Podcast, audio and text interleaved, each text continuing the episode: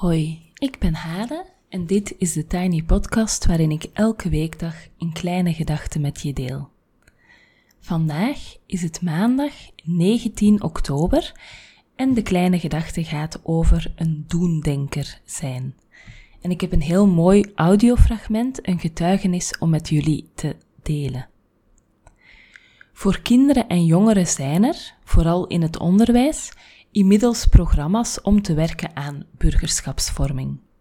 Wat betekent het een goed burger te zijn? Je verantwoordelijkheid te nemen in de samenleving. Wat moet je daarvoor weten, kennen, kunnen en doen? Voor en met het Willemsfonds mocht ik een training ontwikkelen voor volwassenen om die vraag naar goed burgerschap te stellen. Deelnemers van de training nemen hun eigen burgerschap onder de loep. De training heet Van Doemdenker naar Doendenker, met de N. En dat is natuurlijk met een knipoogje, maar het gaat erom voor jezelf te ontdekken wat het betekent een goed burger of een doendenker te zijn. Ik vroeg enkele mensen om een getuigenis. Wat betekent het voor hen een goed of actief burger te zijn? En ik kreeg onder andere deze getuigenis door van Kathleen. Kathleen kan je volgen op haar blog. Ik zal het linkje in de show notes zetten. En ik ga haar zo aan het woord laten. Maar natuurlijk ben ik ook heel benieuwd wat het voor jou betekent een actief en maatschappelijk betrokken burger te zijn. Jouw tekst of audio is welkom via mail thetinypodcast.gmail.com. En dan wil ik nog even zeggen dat Kathleen een van de meest wijze en lieve mensen is die ik ken. En ik wil je uitnodigen om na haar getuigenis even te blijven hangen, want ik heb nog wat boodschappen van hoop voor als je het nodig hebt in deze semi-lockdown periode. Actief burgerschap betekent voor mij dat wij beseffen dat we deel zijn van een gemeenschap en dat wij die gemeenschap zelf vorm kunnen geven. Dus dat we ons niet zomaar moeten neerleggen bij de dingen zoals dat ze zijn. Um, dat we ervoor kunnen zorgen dat er aan ieders noden tegemoet gekomen wordt.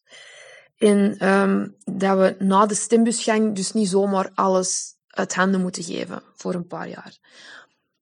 Maar ik denk dat actief burgerschap pas goed functioneert um, wanneer dat we er rekening mee houden wanneer we rekening houden met de verschillen tussen de burgers. Dat, dat iedereen bepaalde sterke kanten heeft en bepaalde zwakke kanten. En uh, dat de zaken pas uh, het beste functioneren als iedereen zijn, zijn sterke kanten maximaal kan inzetten. Um, zo zijn sommige mensen goed in het spotten van problemen en um, in het aanvoelen van, van wat er nodig is. Uh, andere mensen zijn dan weer heel goed in communicatie en het engageren van anderen. Er zijn mensen die um, heel goed zijn in het bedenken van creatieve oplossingen voor die gespotte problemen. Uh, sommige mensen zijn heel bedreven in het vertalen van creatieve oplossingen naar concrete plannen. Uh, andere zijn dan weer heel goed in het in het uitvoeren, in het meticuleus uitvoeren van die plannen. Uh, nog anderen zijn vooral heel goed in, in bijsturen. Er zijn mensen die, um, die heel veel voeling hebben voor wat dat er speelt tussen bepaalde groepen in, uh, in, de, in, de, in een samenleving. Um, andere mensen kunnen bijvoorbeeld heel goed inschatten wat de effecten van, van bepaalde beslissingen gaan zijn op termijn. En dat is dus ja, ook allemaal heel uh, belangrijke informatie. Dus, dus als iedereen kan, kan bijdragen waar dat hij of zij goed in is, dan, dan dat draagt dus allemaal bij tot het succes. Maar daarvoor moeten we wel die, onze eigen sterke kanten kennen en die van een ander erkennen. Zodat iedereen uh, kan, kan doen wat hij of zij het beste in is. Dus daarom, daarom denk ik dat uh, actief burgerschap vooral te maken heeft met, um, met verbinding.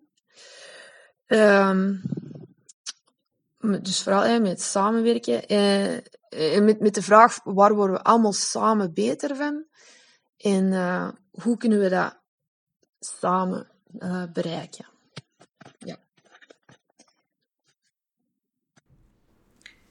Zo, dankjewel Kathleen voor de mooie getuigenis.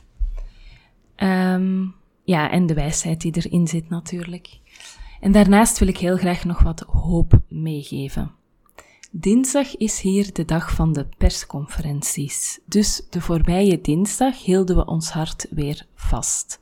Um, ik heb begrepen dat er vrijdag in uh, België uh, ook een verstrenging is gekomen van de maatregelen.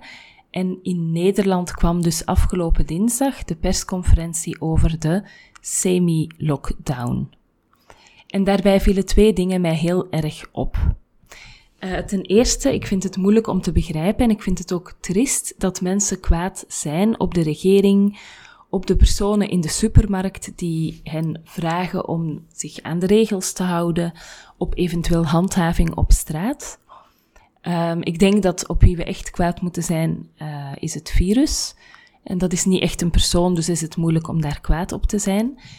Um, maar ik vind het echt moeilijk om te begrijpen dat mensen kwaad worden op ja, degene die verantwoordelijkheid nemen of dragen in deze crisis. Dus um, ja, dat wil ik even vertellen van. Die verwarring vind ik echt heel nodeloos en ook heel trist eigenlijk.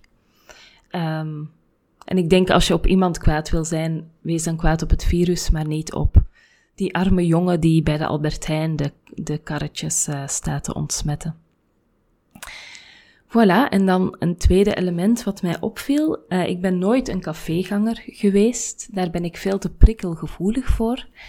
Lekker uit eten vind ik wel fijn en dat heb ik de laatste jaren met Pieter vaker gedaan. Um, en ik ben ook door zelf ondernemer te worden gaan inzien dat die mensen in restaurants heel hard werken en behoorlijke risico's nemen om hun droom in de wereld te zetten. En dat ze plekken creëren van verbinding en ontmoeting. Dus het lijkt alsof ik door de coronacrisis nog meer het belang van horeca ben gaan inzien. En toen ik uh, na de persconferentie naar mijn kantoortje wandelde, ik had nog een avondsessie, uh, toen voelde ik meteen zo weer die zwaarte van de bedreigde dromen in de straten van Haarlem hangen. Dus besloot ik Support Your Locals, deel 2. En daarbij hoort dat we binnenkort waarschijnlijk weer een keer uh, eten zullen afhalen bij een restaurant. En dat ik bijvoorbeeld ook regelmatig een coffee to go ga afhalen. Bijvoorbeeld bij Native. Dat is hier in de Vijfhoek in Haarlem een leuke koffiezaak.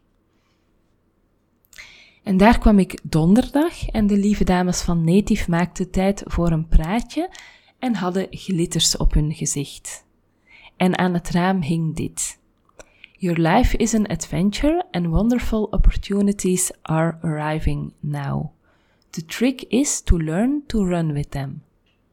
En ik dacht, wauw, die schakelen niet alleen om naar to go, en nog vrij snel en heel gezellig, maar die proberen ook echt aandacht te geven en iets moois in de wereld te zetten en met die glitters op hun gezicht iets uh, liefs uit te stralen en je vrolijk te maken.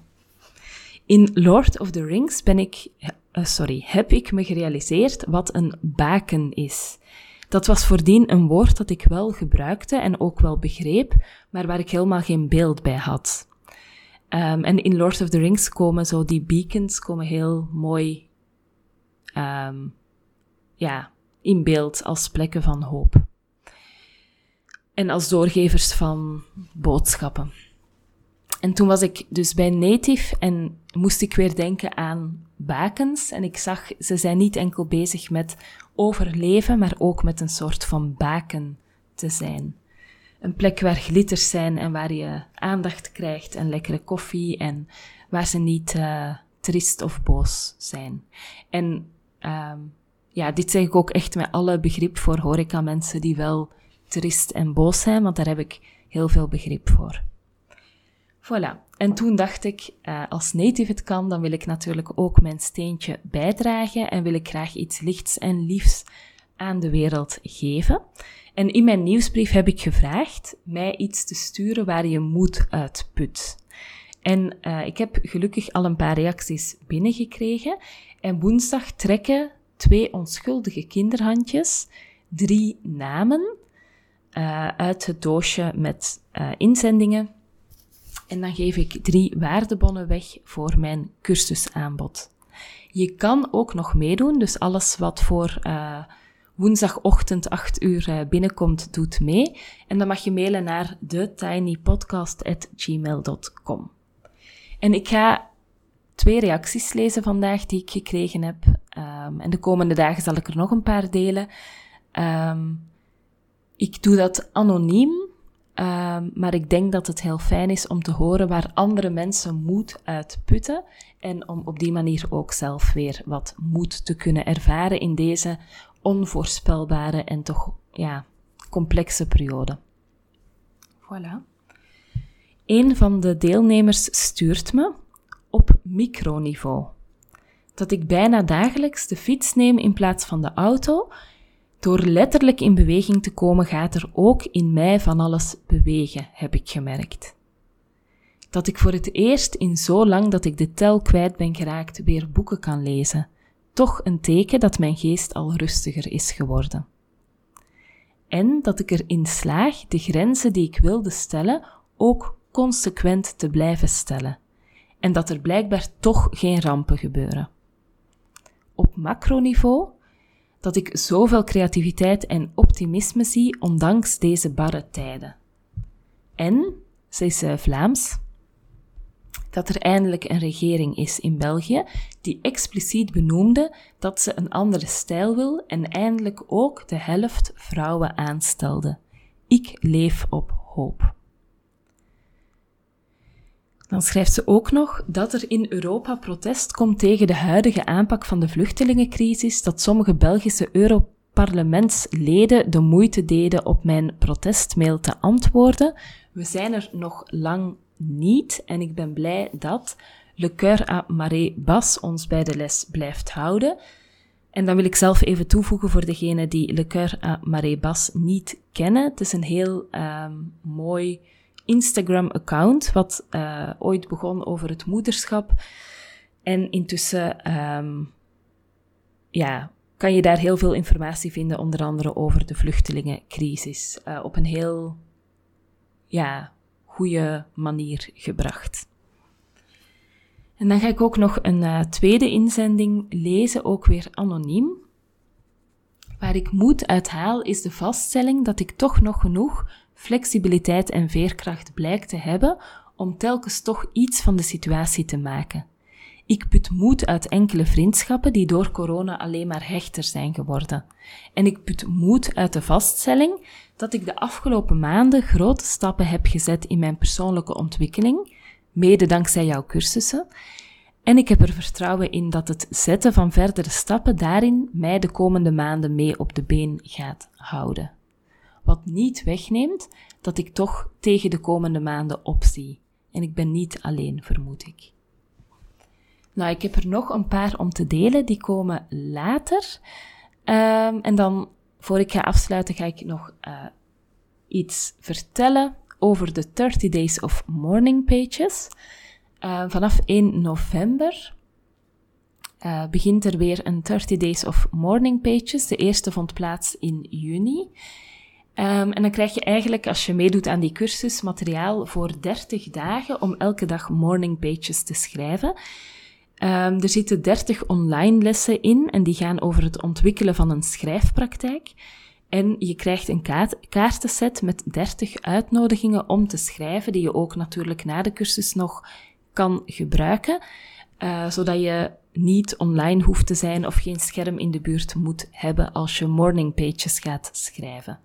En als je nu afvraagt wat morning pages zijn, dat zijn uh, drie bladzijden die je ochtends uh, schrijft. Um, gewoon intuïtief schrijven. Je schrijft alles wat in je opkomt. En dat helpt enorm om de vinger aan de pols te houden bij jezelf, om je gedachten te ordenen en om je emoties te reguleren. En ik heb zelf echt de overtuiging dat alle creatieve ideeën die ik heb, dat die, ja, dat die eigenlijk hun weg hebben kunnen vinden omdat ik nu al enkele jaren elke dag morning pages schrijf. Dus als je wil meedoen, het linkje zet ik in de show notes. Um, en je kan je uh, inschrijven tot zeg maar 1 november zelf. Uh, en je kan kiezen voor de variant met online meetings en voor de variant zonder online meetings. En sowieso krijg je dus 30 online lessen en een kaartenset. Voilà. Morgen uh, is het um, ja, weer tijd om iets van mijn persoonlijke ontwikkeling te delen. En dan gaat het over hardlopen. Start to Run. En daar ga ik woensdag natuurlijk ook nog uh, het tweede deel van vertellen. Tot zover voor vandaag. Je kan me volgen op Instagram, TheTinyPodcast. Je helpt me door deze podcast wat sterretjes te geven op iTunes, een review achter te laten en of hem door te sturen aan iemand anders die er misschien ook graag naar luistert. Heel graag tot morgen.